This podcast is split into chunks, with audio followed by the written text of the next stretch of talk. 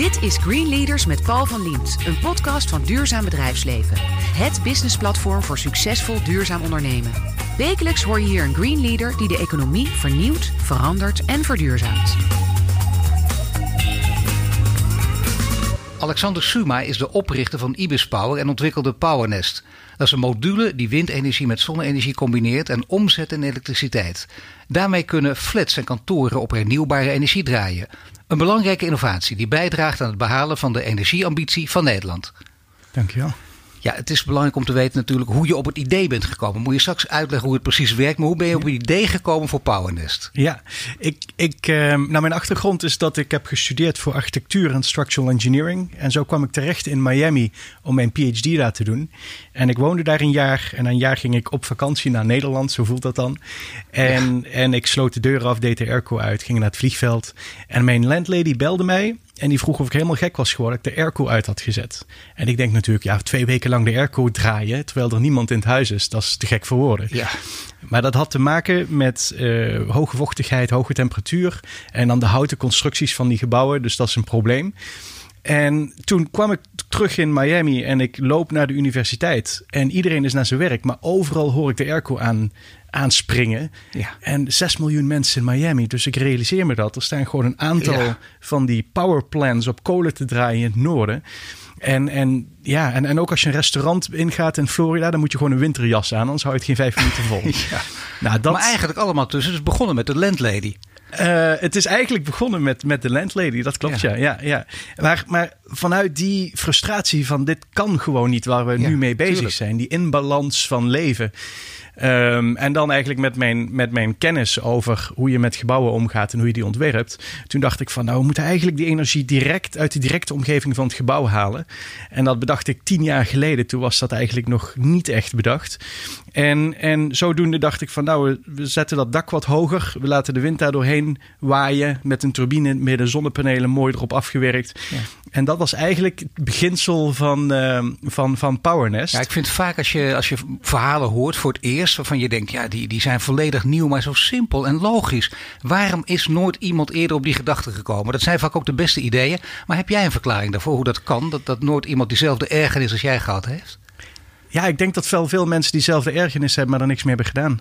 Ik denk dat dat het, eh, het, het ja, toch wel het verschil is. En ik was heel gemotiveerd om daar iets mee te doen. En, en ik ben altijd wel gemotiveerd als ik ergens een inbalans vind. En ik denk van, ja, zo, zo gaan we de wereld niet, eh, niet naar de toekomst brengen. Nee, natuurlijk. Maar dan heb je een heel goed idee. Dan denk je dat is belangrijk. Je denkt over de wereld na. Je wil de wereld verbeteren, om een zo groot woord te gebruiken. Maar je denkt natuurlijk ook over een verdienmodel na, over geld na. Want je zegt het al, hè, dat is de unieke combinatie. Er zijn meer mensen die zich geërgerd hebben, maar niet meer mensen die wisten wat ze daarmee konden aanvangen. Hoe heb je dat precies aangepakt? Ja, ik, ik, ik denk het stuk van die. je begint met een idee. En wat ook heel belangrijk is, is dat je daarna ook vanuit je omgeving een bepaald support krijgt. Dus ik had mijn idee op een poster samengevat. En ik ging naar de Vice Provost of Technology Transfer, Dr. Chernoff. En ik liet dat zien. En hij zei, hij sloot de deur af en hij belde de director van, eh, van dat department en een patent attorney. En, en hij zei, wat er nu gebeurt, dat mag je nog niet eens delen met je moeder. En binnen vijf jaar ben je miljonair. Daar sta je dan als student, hè? Nee, maar dat zijn hele fijne teksten altijd. Ja, ja. Ook een tikje verwarrend. ja, absoluut. En, maar die, die, die komende twee jaar dat ik dus mijn PhD eraf maakte, heb ik echt alle support gekregen. Dus professoren gingen aan mijn project werken. Eh, ik had alle vrijheid en budgetten om dingen te gaan ontwikkelen. Ik, eh, ik werd helemaal gecoacht om op het podium te gaan voor, eh, hoe heet het, voor, voor angel investors. Kun je er even iets over vertellen? Hoe gaat dat in zijn werk dan, dat coachen? Ehm, ja, dus echt van, nou Alexander, maak maar eens een presentatie. En dan ging ik dat presenteren. En dan werd het natuurlijk helemaal afgebroken, want ik had een technische achtergrond. Ja, en, en zo kwam daar, werd daar zeg maar een businessplan uitgeperst. Ja, maar je hebt geleerd het dus goed te presenteren. Dat vind ik wel mooi. Dat dat dus echt een onderdeel is ook van, van, van dit hele plan ook. Ja, ik, ik inderdaad. Het, het, na mijn presentatie aan Chernoff, omdat zeg maar hè, met mijn idee, drie weken later stond ik op het podium, op een heel hoog podium, met, met een heel, heel groot podium, met voor me alleen maar oude mannen met gouden ringen en gouden horloges, met een heel kritische blik. Ja, ik zie het een beetje voor me. Ja, dat is, eh, dan kun je door de grond zakken natuurlijk. Ja, maar dat, dat gebeurde niet. Dus ik was gewoon heel enthousiast. En ik had ook echt drie, man- drie mannen, oudere mannen met met me mee die daar echt voor wilde gaan. En dat was gaaf. Weet je Ja. wat ik zo bijzonder vind? Dat eh, opeens iemand deze tekst slaakt. En niet zomaar om, eh, om, om eh, populair te doen, maar inderdaad zegt mond houden tegen je moeder en je gaat miljonair worden. Die combinatie, dus die zag meteen, dit gaat echt iets worden en we gaan jou nu in een traject zetten. Heb je ook deze, deze woorden letterlijk genomen om te beginnen met je moeder en niets gezegd? Ik heb het Heel- inderdaad niet, eh, niet tegen mijn moeder gezegd. Ik had wel s'avonds met iemand een barbecue. En die vroeg mij de hele tijd van waarom ben je toch zo stil? Waarom ben je toch zo stil? en dat heb ik twee uur volgehouden. Ah, nee toch. Nee toch. Maar is dat de enige die het weet? Of dacht je, nou die weet het, nu ga ik het tegen iedereen vertellen? Dat was echt de enige die het weet. En nadat bepaalde stukken ook eh, ondertekend waren. En dat ze ook zeiden van nu mag je naar buiten treden met het idee. Want de confidentialiteit en de patent zeg maar was Tuurlijk. beschermd. Toen ging ik ook naar mijn professor. En die stond ook met zijn, eh, ja, hoe zeg je, met zijn oren te klapperen zeg maar. En, eh, Ik vind ja. die periode van geheimhouding altijd toch eh, heel opmerkelijk en zo. Dat mensen zeggen dat natuurlijk. En dat is ook Ja. een sociaal wenselijke antwoord. Jij bent heel eerlijk door te zeggen dat je het gewoon... Ja, je, je, je hebt zoveel enthousiasme, je moet het kwijt natuurlijk. Maar toch aan één iemand. Je hebt natuurlijk toch meer vertrouwelingen in je omgeving. Of mensen die je heel naast staan. Die hebben allemaal... Ja, maar je, je bent. Niet gehoord. Ik woonde een jaar in Miami. Je bent aan de andere kant van de wereld. In je Dus- eentje ook. In mijn eentje. Dus de, de mensen die ik kende, die kende ik een jaar. En er was één iemand die ik vertrouwde ik echt. En eh, ja, dus zodoende. Ja, nou ja, dan heb je het in ieder geval qua sociale omstandigheden iets gemakkelijker. Dat scheelt. Dat heeft er misschien wel toch mee te maken, ja. Ja, maar het klopt. Ik, ik ging wel echt met een hele grote bagage van enthousiasme liep ik rond. En mensen dachten echt dat er iets aan de hand was. Ja. Nee, het is, het is niet te doen. Ik, ik kan me dat voorstellen. Gewoon een explosie van vreugde ook bijna in je hoofd. Dat, eh, die moet eruit. Dan is er nog iets, namelijk eh, niet eh, te onderschatten. de belofte dat, dat je miljonair wordt binnen vijf jaar. ja, daar moet ik hem nog steeds over bellen. Ja, nog steeds? Je denkt over een paar jaar of, of zit dat er gewoon niet meer in? Ehm, nou, het is niet mijn doelstelling om miljonair te worden. Ik voel me heel rijk met de dingen waarmee ik bezig ben. En eh, het is nu tien jaar geleden dat wat we net, waar we het net over hadden. En in de tussentijd ben ik zo rijk geworden aan ervaring. De mensen die ik ken. Ik heb meetings gehad met Bill Clinton. Ik heb foto's met eh, Colin Powell en, en Hillary Clinton. En, en noem maar op. Ik heb heel veel. Heel veel interessante Nee, mensen in mijn leven ontmoet. En ik heb heel veel geleerd van het voeren van een start-up en een scale-up nu. En Maar dat, heel- bedoel ik, hè? wat jij nu zegt, dat herken ik. Van, van, van een start-up naar een scale-up. Dat, dat, dat lukt ook maar weinig. Hè? Want eh, mensen vergeten het vaak, maar 99% van de start-ups mislukt na vijf jaar. Dus dat, dat moeten we ook even in ons achterhoofd houden. Maar bij een scale-up hoort toch ook dat financiële succes. Ik ben helemaal met je eens. Dat andere is veel, tien keer belangrijker. Maar uiteindelijk ook, succes is ook uit te drukken in geld. Ja. Dus op een gegeven moment moet je daar ook stappen in zetten. Lukt dat ook of, of blijft dat eh, stilstaan? Nee, dat is echt een pak van mijn hart dat dat lukt nu. En dat is natuurlijk heel lang een struggle geweest. Want iedereen eh, buiten meet je ook van geweldig product, geweldig technologie, geweldig dit, geweldig dat. Maar hoeveel hebben ze al verkocht? Ja. Hè, dat is, en op, op dit moment zitten we op een order, op 160 modules in order. Dus ja, dat is best wel veel. Maar het gaat op en neer. Daar hoort ook een zekere pijn bij, denk ik. Af en toe toch ook op bed liggen. Je hebt de vreugde, maar ook af en toe gewoon de, de pijn en het staren naar het plafond. Van, eh, dat, je knikt, ja, hè, dat gebeurt allemaal. Van, Ja. Dat is lastig. Wat, wat gaf jou de kracht om hiermee door te gaan? En de zekerheid bijna om hiermee door te gaan? Ja, ik, ik, ik denk dat ik in mezelf sowieso wel een heel groot doorzettingsvermogen heb en een streven naar beter. En, en ik, ik heb die, die noodzaak in mezelf om mijn leven echt nuttig te maken en ook iets achter te willen laten. Uh, maar wat heel essentieel is, is je omgeving. En ik denk dat dat voor iedereen geldt. Toch de support. Um, en het klinkt misschien heel stom, maar we hebben ook heel veel awards gewonnen door de jaren heen. 23 in totaal inmiddels. Zo. Ja, en, en, en toch wat, wat die awards met mij hebben gedaan, is dat er toch heel serieuze mensen naar kijken. En die zeiden van dit is heel belangrijk en dit moet er komen. En dat, dan gaat het mij niet om die award, maar het gaat erom dat heel, belang, heel slimme mensen dat zeggen. En dan geef je toch weer even lekker dat setje. Nee, dit begrijp ik. Er zijn slimme maanden. mensen, maar ook die, die weten wat over gaat. Ook kritische mensen. Die durven ook te zeggen, het is heel leuk. En die zeggen dat dan in, in misschien hele keurige, eh, charmante bewoordingen. Maar je hebt meteen in de gaten, dit wordt niks. Maar dat hield je natuurlijk staande. Alleen er komt een moment en je zegt, nu is het zover dat ik weet, wij gaan dit meer verkopen. Dit gaat groter worden. En dan kan dat ook, dat is heel mooi als het ook heel veel geld gaat opleveren. Maar het begint met het groter kunnen worden. Kun je, kun je daar een moment voor aangeven? Wanneer, wanneer gebeurde dat? Wanneer dacht je, nu, nu gaat het echt uh, van start? Ja, ik, wat, wat heel belangrijk is bij het ontwikkelen van een product is... Um, je hebt een product en iedereen wil het zien. Iedereen wil het zien werken. Iedereen wil het voelen. En ik denk dat dat de allergrootste stap was toen op een gebouw... een Henriette Dreef in Utrecht hadden staan. Toen kwamen heel veel mensen van... wauw, dit is wel heel gaaf. Grappige is, dat was ons vorige versie van product. We hebben hem daarna nog geupgrade. Dus we moesten eigenlijk weer opnieuw door die cycle. Want we moesten laten zien van nou, dit is eigenlijk het echte product.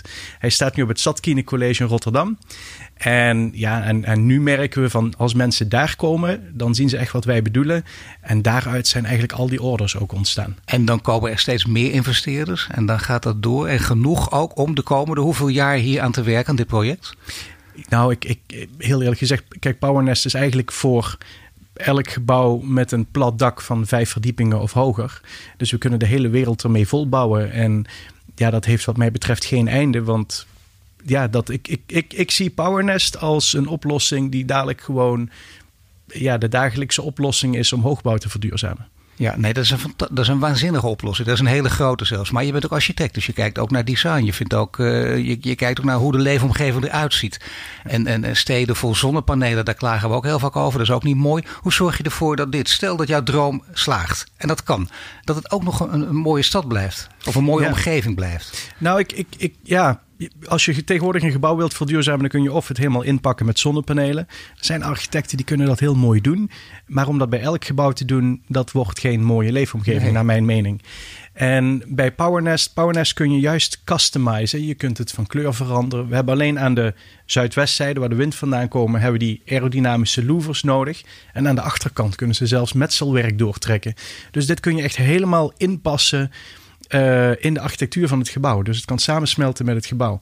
En, en dat geeft heel veel vrijheid. En je kunt een soort maatwerk bieden. Het geeft ook een soort diversiteit. Als je dus om je heen kijkt, dan zie je dus heel veel verschillen. Ja, ja absoluut, absoluut. En, ja, en architecten noemen het, noemen het uh, kroon op het gebouw. En dat is een ontzettend compliment. Ja. Uh, maar het refereert ook naar de oude architectuurstijlen, waarbij je een plint, een lijf en een kroon hebt. En wij hebben juist die horizontale lijnen in die kroon die bovenop het gebouw zit. En dat klopt helemaal als je bijvoorbeeld kijkt naar gebouwen in Chicago. Nou is dit dus uh, heel groot. Je, je, noemt nu Chicago. We kunnen dadelijk nog wat andere steden noemen als we hierover doorpraten. Ik leer ook altijd van, van heel veel goede en geslaagde ondernemers dat focus, focus, focus heel belangrijk is. Dat doe jij ook. Dat, anders ben je hier niet zo lang mee bezig. En je geeft ook aan waarom. Maar je bent ook met iets anders bezig. Hè? Namelijk iets om, om stroomvoorziening in rampgebieden. Om daar iets aan te doen. Dat, dat, is, is dat iets totaal anders of ligt dat in het verlengde hiervan? Dat ligt absoluut in het verlengde. Um, nou ja, ik kijk ook uh, wel eens tv en je ziet al die rampen voorbij komen. Onlangs in de Bahama's. Verschrikkelijk wat daar gebeurt. Ja. En wij hebben de kennis van zon en wind. Dus wij weten precies hoe we daarmee kunnen werken. En wat we hebben, dus, wat we hebben bedacht is een 20 voets container. Die kan zichzelf uitklappen. En daar komt een oplossing uit van 18 zonnepanelen en twee windturbines. En daarmee zou je een communicatiecenter uh, kunnen voorzien. Je kunt er uh, medicijnen koelen. Je kunt er eten bewaren. Je kunt er zelfs meetingruimtes van maken. Nou, en stel je nou voor dat die op de Bahama's staan, omdat dat een disaster-prone area is.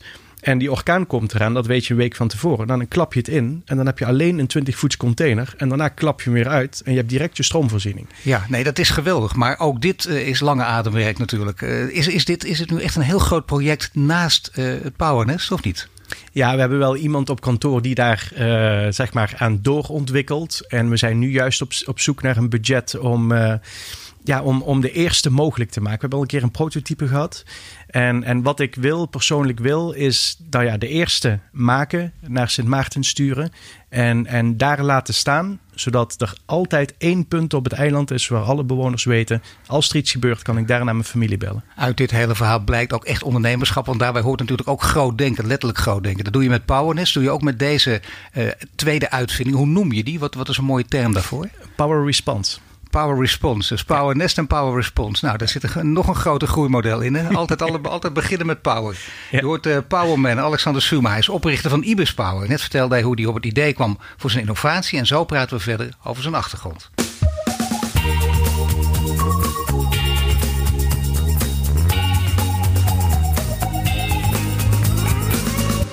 Mij in de studio staat Alexander Suma. Net vertelde hij over hoe hij begon met Ibis Power. En nu praten we verder over leiderschap en zijn eigen motivatie.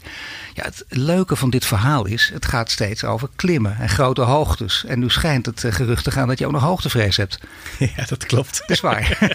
ja, ja, mijn, mijn, collega's die staan gewoon op de dakrand. En uh, dan denk ik dat ze helemaal gek zijn geworden. Maar ik, uh, ik ga plat op de, op de dak liggen als ik er dichtbij kom. Maar toch heb je altijd zo'n lattertje toch bij, of niet? Lees ik in alle interviews? Nee, ja, Ja, klopt. Ja, ja, dus ik heb inderdaad in Utrecht, uh, er was geen fatsoenlijke ladder eigenlijk naar het dak. Dus had ik een laddertje achter in, het, uh, in de auto. en ik ben één keer van een balkon, zeg maar, naar op het dak op moeten klimmen. En hoe ik omhoog ben gekomen, dat weet ik niet meer. Maar naar onder, dat ging echt niet. Dat heeft een uur geduurd voordat ik durfde.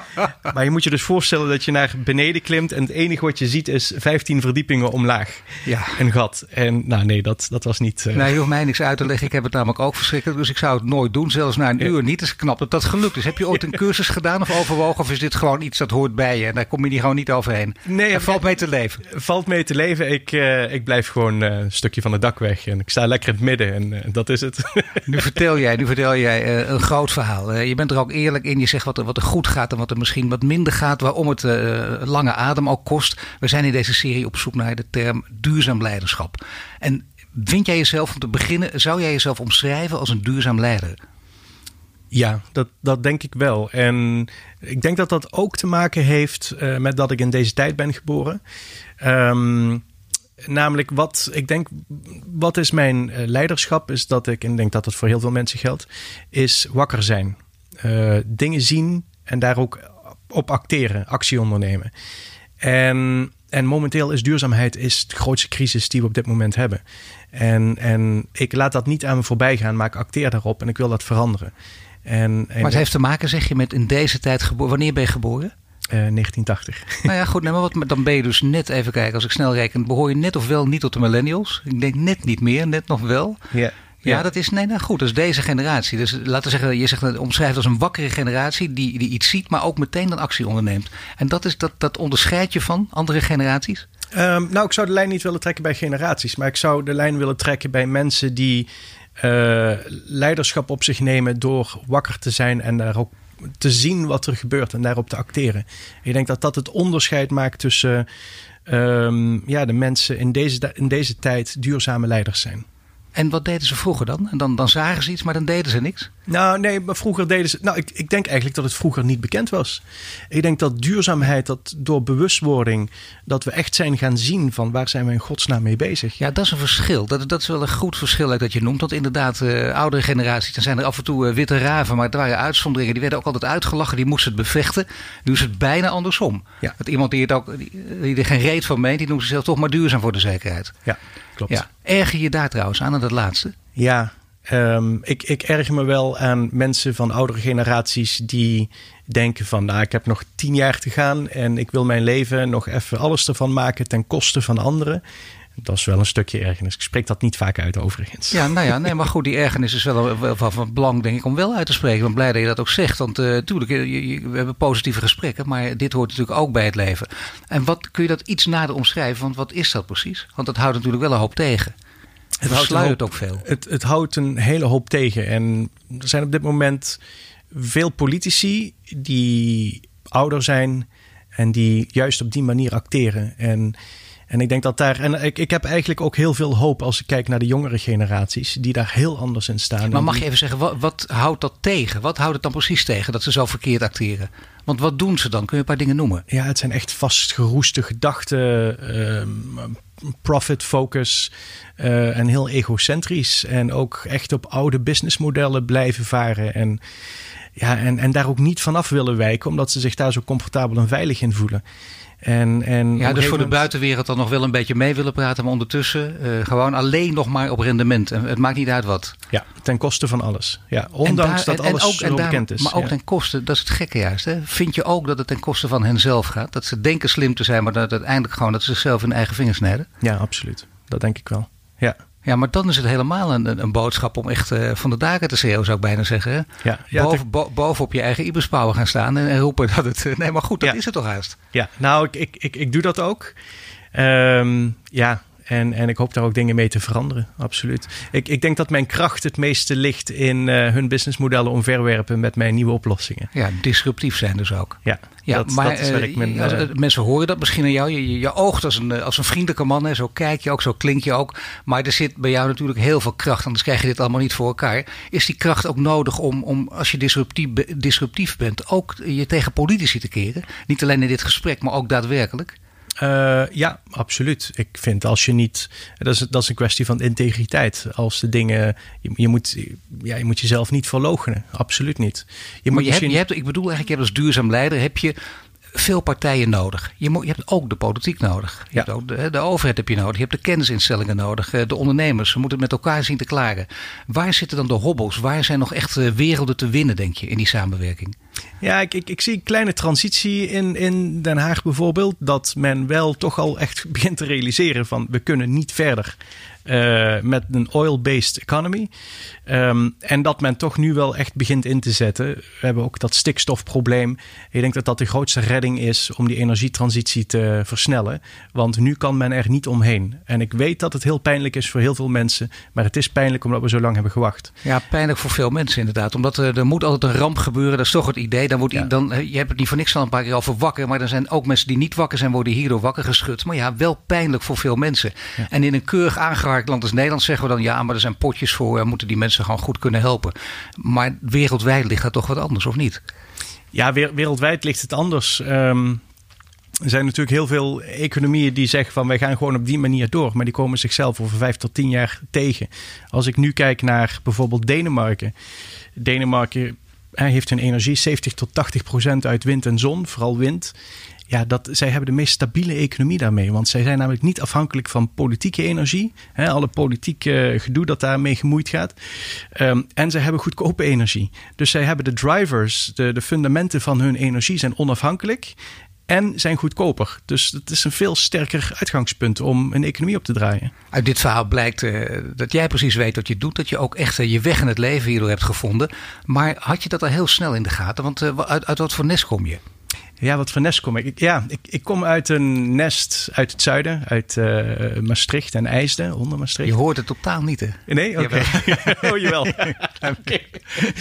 um, Um, en ik, ik, ik, uh, ik denk wat heel uniek is van het nest waar ik uitkom, is uh, dat ik heel veel vrijheid had. Uh, en, en ja, um, heel veel mijn eigen pad kon kiezen en vormen. Ik wat, wat deden je? De, leven je ouders nog? Ja, ze leven Wat, deden ze of doen ze? Um, nou, ze zijn ook heel eigenzinnig met z'n tweeën. En uh, zij deden oh. hun ding. En, um, en, en sturen heel weinig in wat hun kinderen maar doen. Maar ik bedoel, en... beroepsmatig? Oh, ja. Um, uh, mijn uh, moeder werkt in een verzorgingshuis.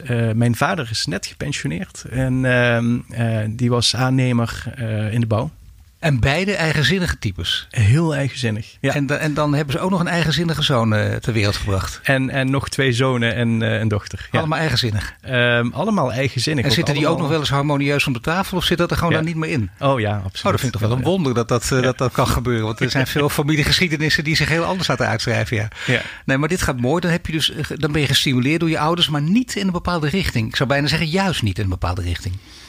Um, ja, ja, dat klopt. Uh, juist niet in een richting van ontwikkel je, je jezelf maar. En uh, zeker gesteund hè, van, goh, welke richting ga je ontwikkelen? Nou, dan steunen wij dat.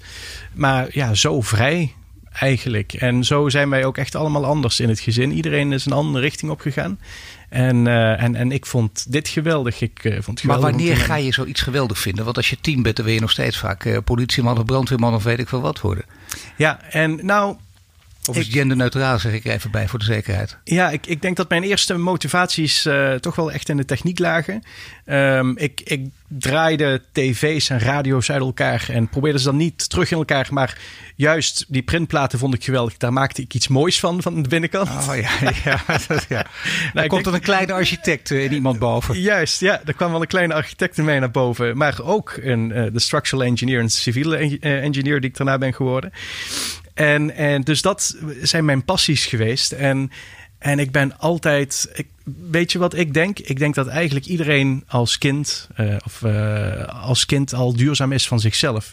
Er zijn alleen manieren die we leren along the way, uh, die dat anders maken. En ik denk juist als ik kijk naar kinderen, die zijn veel duurzamer, uh, hoe ze omgaan met natuur en dergelijke. Ja, is dat, echt waar? Volwassenen zijn daar veel slechter in. Ja, toch wel. Bijvoorbeeld rommel maken tijdens boswandelingen, dat herinner ik mijzelf. Uh, maar, maar goed, uh, bedoel, toen ik kind was, dat was al een tijdje geleden. Maar toch, dat soort dingen doe je toch ook? Juist gewoon bijna uit een soort vrijheidsdrang, dat het niet uitmaakt. Oh, die, die prullenbak die staat veel verder weg. Als kind ga je toch, wil je toch niet vanzelf naar de prullenbak? Hangt het toch vanaf of je, of je een aangepast kind bent of niet? Nou, ik, ik, ik dacht daar heel over na van, is het een, een, een appel die ik weggooi of is een plastic papiertje? Want een plastic papiertje hoort toch oh. logischerwijs niet in de natuur? Dat past toch niet? Ja, dan was jij natuurlijk een heel slim kind. Dat heeft, ook, eh, dat heeft er ook mee te maken. Dat scheelt ook. Maar op een gegeven moment wist je ook, ik, ga, ik wil niet alleen architect worden, maar ik wil ook iets met duurzaamheid, die combinatie. Ja. En dat is altijd het mooiste, want dan, dan heb je al een soort beroep, beroepsperspectief, wat sommige mensen nooit hebben, of pas op veel latere leeftijd. Wanneer viel bij jou het kwartje op dit gebied? Um, ja, ik, ik, uh, ik deed de HTS in Heerlen. En daar studeerde ik af en we waren met een heel goed team. We hadden een heel hoog punt gekregen, een, uh, een 9 en een 10 ja. uh, voor het afstuderen. En daar zaten architecten en ik was dan de structural engineer en twee andere jongens waren de architecten. En ik werd helemaal gemotiveerd door waar zij mee bezig waren. Toen ging ik naar de TU Eindhoven daarna. En toen begon ik bij structural engineering. Eh, maar ik zei meteen het eerste project, ik wil ook architectuur doen. Daar heb ik nog echt een jaar voor moeten lobbyen bij de uh, professoren in de architectuur. Want die vonden dat maar niks dat ik beide kon en wilde. Oh, geweldig. Ja, Zie je, dat, ja maar dat zijn dus al uh, omslagen ook. Heel veel weerstand. Ik moest echt de personen vinden die mij daar wel in wilden ondersteunen.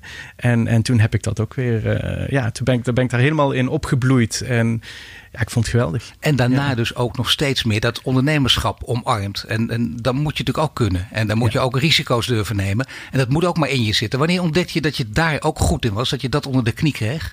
Ja, is heel grappig. Want toen ik dus jong was en mijn vader had hij zei een aannemersgesprek aan de keukentafel. Daar had ik echt een hekel aan. en en uh, misschien de eerste twee jaar dat ik, uh, nadat ik mijn uitvinding had gedaan. Toen dacht ik ook van, is dit wel wat ik wil? Uh, maar het is juist heel leuk. Ik ben daar heel erg in gegroeid. En het is heel gaaf om uh, dingen te creëren en ontwikkelen. Want je ontwikkelt niet alleen een product en een oplossing.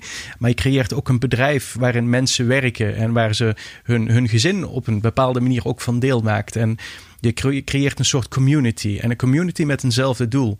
En daar zijn nou eenmaal resources voor nodig. En, en als je dan een winstgevend model hebt, dan kun je dat allemaal nog groter maken. En dat is heel gaaf. En dat is gelukt. En dan ben je ook groot. En dan ben je ook letterlijk een duurzaam leider. Maar ook dus een leider. En die moet op een bepaalde manier leiding geven. En weten wat hij doet.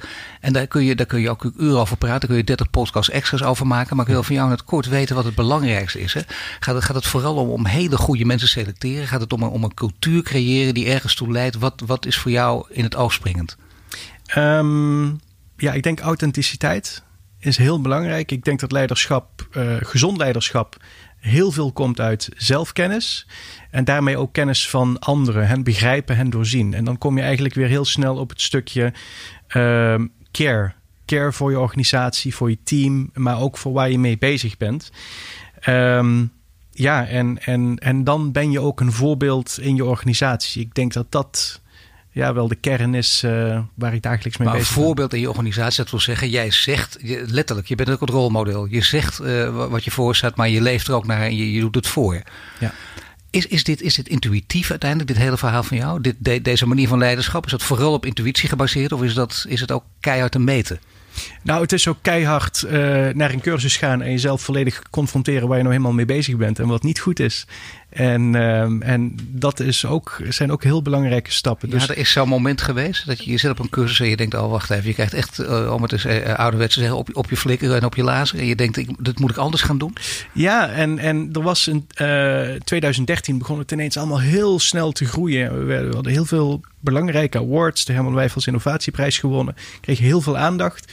En ik probeerde dat maar allemaal te doen. Onkundig, onervaren. En, en er gingen gewoon heel veel dingen mis ook. Uh, en toen ben ik naar zo'n cursus gegaan. Ik moet zeggen, dat heeft me heel erg geholpen. Over uh, hoe je zelf bent, hoe anderen daarop reageren, et cetera. Um, en, en Maar betekent dat niet meteen in de verdediging schieten? Dat soort dingen? Niet, niet zo, dat, dat, ja, bijvoorbeeld. Makkelijk gezegd, maar heel moeilijk gedaan natuurlijk. Gewoon toch, toch rust bewaren in alle omstandigheden. Ja, maar dan lijkt het alsof je denkt van... oh, dan ga ik leren om daar rust te bewaren. Maar het komt echt uit de kern van jezelf. Je moet eerst bepaalde dingen in jezelf oplossen... voordat je die rust ook maar dit klinkt, zoals jij het nu zegt, klinkt dit echt, echt als echte diepgang. Dat wil zeggen, bijna echt als een soort eh, psychoanalyse. Ja, dat is het ook wel, denk ik, ja. En dat, is, dat is te persoonlijk om aan, aan ons allemaal toe te vertrouwen. En nou, dat is wel heel veel persoonlijk. Nee, maar dat gaat dus echt, dat gaat echt zeker je ontwikkeling echt te maken met, met, met je relaties, met je opvoeding. Ja, absoluut. En daar ben je heel diep in gegaan ook. Daar ben ik heel diep in gegaan. Um, en, en dat is ook wat ik ervoor over heb om, um, om, om, ja, om te doen, zeg maar. Uh, om mezelf uh, ook even binnenste buiten te keren, zodat ik mijn organisatie beter kan leiden. Ik merk ook dat ik er veel gelukkiger ben uh, op een persoonlijk gedeelte van mijn leven. Ja, heel belangrijk dat je dit zegt ook, natuurlijk. Maar dan ben je dus ook in je werk vaak veel beter. En dan durf je dit ook aan, want dit kan ook tot een crisis leiden. Je kunt ook daar van jezelf schrikken natuurlijk. Ja. Maar ik weet dat daardoor veel mensen het ook niet aandurven. Ja. Jij zou het iedereen aanraden? Ik zou het iedereen aanraden. Ja, en stapje voor stapje natuurlijk als het zwaar is. Maar, Zeker. Ja. Aan het woord is Alexander Suma, oprichter van Ibis Power. En net spraken we over zijn achtergrond, de persoonlijke leiderschap. Zo praten we verder over leiderschap van Nederland.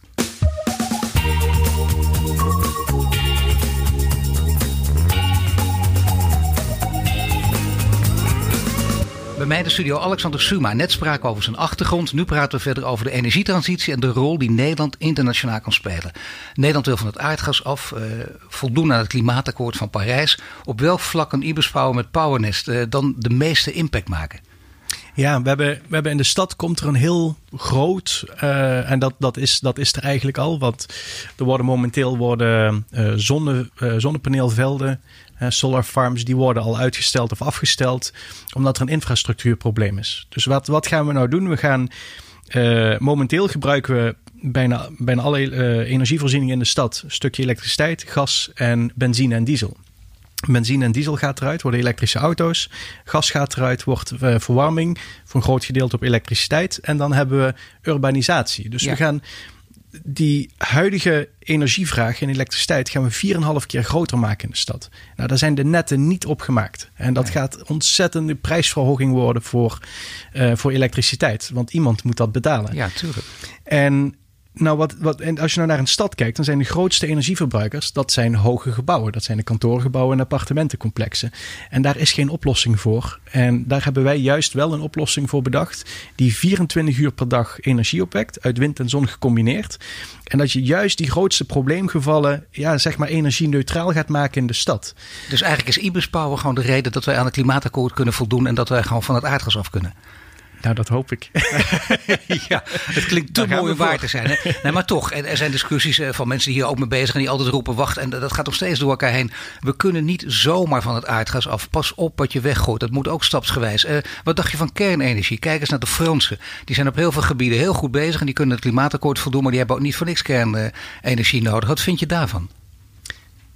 Um, ik ben even de vraag, sorry. Ik bedoel, heb je ook de oude vormen nog nodig? Hè? Dus kun je, kun je, moet je ja. zeggen, nou, niet zomaar van het aardgas af. Dat, moeten, dat hebben we wel ja. Die discussie moeten we misschien nog eens een keer voeren. Kernenergie, die discussie moeten we ook nog eens een keer goed gaan voeren. Mm -hmm.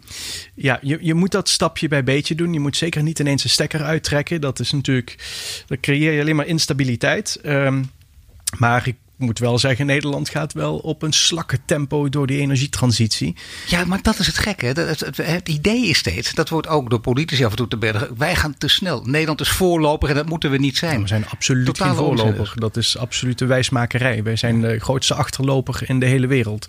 Uh, Denemarken is voorloper. Maar wacht even, wij zijn de grootste achterloper in de hele wereld. Absoluut. Ja, wij, lopen, dus... wij lopen achter China en Amerika aan. Uh, nou, als je kijkt wat men in uh, China realiseert, op welke schaal dat daar uh, duurzame energie wordt toegepast. Zeker worden ook nog steeds nieuwe coalplants aangelegd. Maar als je ziet hoe zij inzetten en ook hoe ze een hele markt hebben gecreëerd met die zonnepanelen, waar ze heel veel aan verdienen, dan zijn zij, zij juist degene die het door hebben gehad waar wij lagen te slapen. Ja, dan is dit toch interessante framing. Hè? Dat, uh, dat het lijkt alsof Nederland voorloper is. En dat veel mensen dan juist de discussie aangaan. Nou, dat moeten we ook weer niet willen zijn. En dan kun je zeggen, nou ja, goed, dan maar een treetje minder. En jij zegt, nee, we moeten juist enorme slagen maken. Maar uiteraard is het verleidelijk om te zeggen dat je dat met Ibis Power doet. En daar werk jij natuurlijk aan mee. Maar wat moeten we dan meer voor grote slagen maken? Ja, we moeten natuurlijk aan alle kanten aan duurzaamheid werken. PowerNest is niet de enige oplossing. Uh, er zijn heel veel soorten gebouwen. Op de, hele auto-industrie moet uh, transformeren. Um, ik zie het grootste probleem, zie ik zeker in de industrie. Want daar wordt gewoon het meeste energie verbruikt. Als ik denk aan dadelijk die 10.000 windmolens uh, op de Noordzee. Ik denk dat dat gewoon lekker in IJmuiden blijft steken en nog niet Haarlem bereikt. Want daar wordt zoveel energie gebruikt. Dus we moeten in het land zelf, uh, zonder ook al die transportkosten van energie, moeten we met een heel... Uh, ja, een heel scenario aan, aan oplossingen komen. En dat is niet alleen PowerNest, maar dat zijn er nog wel 20, 30 meer. En natuurlijk, maar moeten we ook dan, als jij vindt dat we hele grote slagen moeten maken, je geeft er nu een paar goede argumenten voor, vind je dan dat we echt nu ook sneller van het aardgas af moeten, nooit meer aan de kernenergie moeten, dat we zo hard moeten zijn? Um, ja, we moeten zeker in het grootste tempo moeten er vanaf. En we kunnen ook naar onze buurlanden kijken die wel gewoon die echte stappen maken. Nou, ik zeg net uh, ietsje verder, uh, bijna buurland uh, Frankrijk, nog steeds zweren bij kernenergie. Duitsland, de energietransitie heel groot inzetten onder Merkel, jaren vijf, zes geleden. Maar nu toch ook daar ja. een paar streden op terugkeren. Ja, ja, en dat is ook een beetje bang van het inderdaad het, het gas loslaten. Maar als er nou gewoon echt wordt ingezet op die duurzame bronnen. En ik denk dat de accu, de energieopslag, dat dat de grote dooropener wordt om die energie nog, energietransitie nog meer te versnellen ik denk dat daar uh, dat we dan heel veel gaan zien dat het in één keer heel snel uh, omgedraaid is. Ja, nu schikken mensen wel altijd van grote veranderingen, grote transities. Meer in algemene zin heb ik het over. Wat je, wat je hoort van psychologen, eh, cognitief neurologen, zo zit ons brein in elkaar. Je moet mensen op een duidelijke manier kunnen overtuigen en kunnen zien kijken zodat wij bijvoorbeeld met technologie allemaal voor goeds kunnen aanrichten. Zweer jij bij technologische veranderingen? Ligt uiteindelijk daar toch de sleutel voor de oplossing? Ja, niet met de technologie meegaan is direct de achterstand. Uh, dat, het is een uh, technology-based economy tegenwoordig. Uh, kijk naar Amerika, ik bedoel, het is een hele sterke speler. En nu China. Um, dus technologie, we zijn in Nederland heel goed in technologie. Alleen we hebben niet het investeringsklimaat om er ook echt iets mee te doen, zoals die landen dat wel doen. Nou ja, we hebben ook geen uh, dictator zoals in China, die gewoon uh, kan zeggen wat we moeten doen. Uh, soms zeggen mensen, dat die, die, die roepen, ik, ik, dat is niet voor het eerst dat ik het roep, maar de verlichte dictator, daar zitten we zeker op dit gebied op te wachten. Deel jij die opvatting of niet? Ja, ik, ik, hè, wij, wij hebben ook een aantal projecten in Dubai in voorbereiding. En, um, en daar zit in principe een dictator. En ja. een dictator is pas een vervelende man als hij het slecht doet. Maar er zijn ook dictators die het goed doen. En het is daar dus geen democratie. Maar deze man heeft wel gezegd: 2030 zijn er 30.000 gebouwen in Dubai volledig duurzaam. En, uh, en self-sustaining. Uh, en dat gebeurt ook natuurlijk. Hè? En, dat, en dan is het ook uh, dan is het geen vraag, maar dan is het gewoon dat gaan we doen.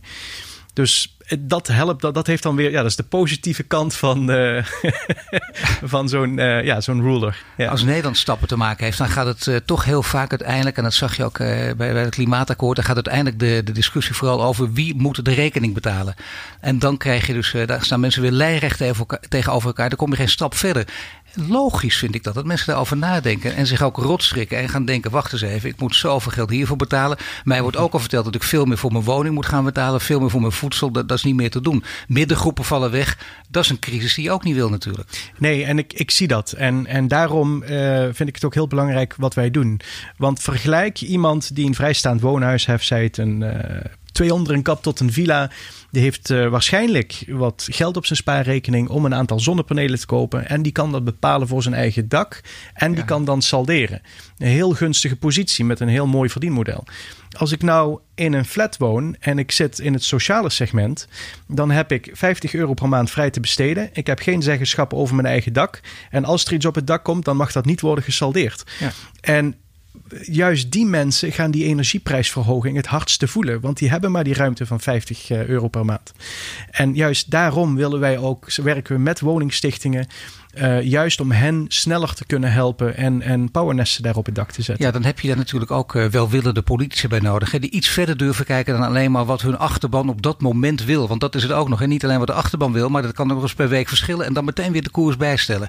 En dat onder het mom van pragmatisme. Wat, wat zou de politiek kunnen doen om te veranderen of te verbeteren? Met andere woorden, waar zou jij veel aan hebben ook? Ja, het, klinkt natuurlijk heel cliché, maar ik denk inderdaad dat uh, men in Den Haag uh, wel probeert, maar niet helemaal doorheeft wat er nou allemaal gebeurt in het land. Um, dus er moet meer contact komen met wat er ja, op de werkvloer in Nederland uh, gebeurt. Wat er mogelijk is en wat er, waar behoefte aan is. en wat de aankomende problemen zijn. Ik heb niet het idee dat dat heel duidelijk is daar. Um, dat, is en, toch, dat is toch wel schrikbarend. Ik bedoel, want jij staat er goed op. Je hebt net verteld, je, bent, je komt met de grote de aarde in aanraking. Ook door het werk dat je nu doet. Eh, op de foto met Bill en Hillary Clinton. Hè, al die dingen. Dus je, je spreekt deze mensen. En dan heeft Nederland, hebben Nederlandse politici, eh, toonaangevende politici, het niet in de gaten. Dat is toch raar? Uh, ja, maar toch is dat wel wat ik zie uit uh, de beleidsvorming. En, en uit het tempo en um, ja, de acties die, uh, die vanuit Den Haag komen. Is het dus uiteindelijk, uh, wat jou betreft, aan het bedrijfsleven? Um, Om maar, gewoon het voortouw te nemen? Ja, maar dat doen we al, uh, vind ik. Uh, maar er zijn gewoon nog heel veel beperkende wetten. Ik moet trouwens wel aangeven, uh, wij waren genomineerd uh, tot Nationaal Icoon. Ja, dat nou, heeft voor ons... De wereld draait door. Ja, ja. Maar je hebt een goede training gehad, dus jij ging er niet aan onderdoor. Louter in de ervaring, maar je ja. bleef lachen, heel goed. Ik bleef lachen, ja, zeker. Ik heb ook gewoon genoten van de uitzending, ja, ondanks dat we het niet waren geworden. Um, en, en uh, eigenlijk daardoor heb ik nu wel de contacten. En uh, ik heb eind deze maand een afspraak. En dan gaan we echt kijken van wat is nou, zijn nou de belemmeringen. Maar mag ik, sorry dat ik het zeg, maar mag ik, welke afspraak heb je? Uh, een afspraak met, met RVO. En er zit ook iemand van Binnenlandse Zaken bij en Economische Zaken. En dan gaan we kijken van wat zijn nou de belemmeringen die de snelle uh, implementatie van PowerNest of in het algemene zin een grote energieopwekker op een gedeeld gebouw, uh, wat daar nog in de weg staat en waarom um, vergunningsprocessen moeilijk zijn, men niet precies weet van hoe gaan we daar nou mee om. Het is een nieuwe oplossing um, en hoe kan nou eigenlijk vanuit de centrale besturing daarin ondersteund en geholpen worden. Nou, ik moet zeggen, dit klinkt heel goed. Het is, klinkt heel goed. nee, maar Het is heel belangrijk, dus die netwerken. Dat je daardoor weer een stapje verder bent gekomen. En Klopt. dat men bereid is ook in ieder geval om hierover mee te denken. Ja. En, en mee aan oplossingen denken. Want je hebt natuurlijk ook heel vaak, uh, jij vindt disruptie belangrijk. Logisch ook, als je iets uh, wil versnellen. Maar in die wereld hoor je natuurlijk ook vaak uh, de tekst... liever vergiffenis vragen dan toestemming vragen. Zit jij ook zo in elkaar of niet? Um, ik, ik, denk, denk daar eigenlijk nooit over na, maar ik denk het wel. ja, ja, uiteindelijk wel. Dus ik heb het toch maar gedaan, het duurt te lang. En dan zeg je uiteindelijk, als je regels hebt overtreden, sorry, ik mag het nooit meer doen. Ja, dat vind ik wel. Ik vind dat ja. we dat bij technologie uh, moeten doen zelfs. Bij nieuwe technologie een goede oplossing is. Gewoon doen en daarna, hoe moeten we dit nou in de toekomst doen? Ik dank je voor dit gesprek, Alexander. Je luistert naar de Green Leaders podcast van Duurzaam Bedrijfsleven. Volgende week zijn we terug met een nieuwe Green Leader. Ja. Dit was de Green Leaders podcast voor deze week. Volg onze website voor meer nieuws over succesvol duurzaam ondernemen. Wil je meer afleveringen luisteren? Abonneer je dan nu via iTunes of Spotify en krijg een melding wanneer er een nieuwe podcast online staat.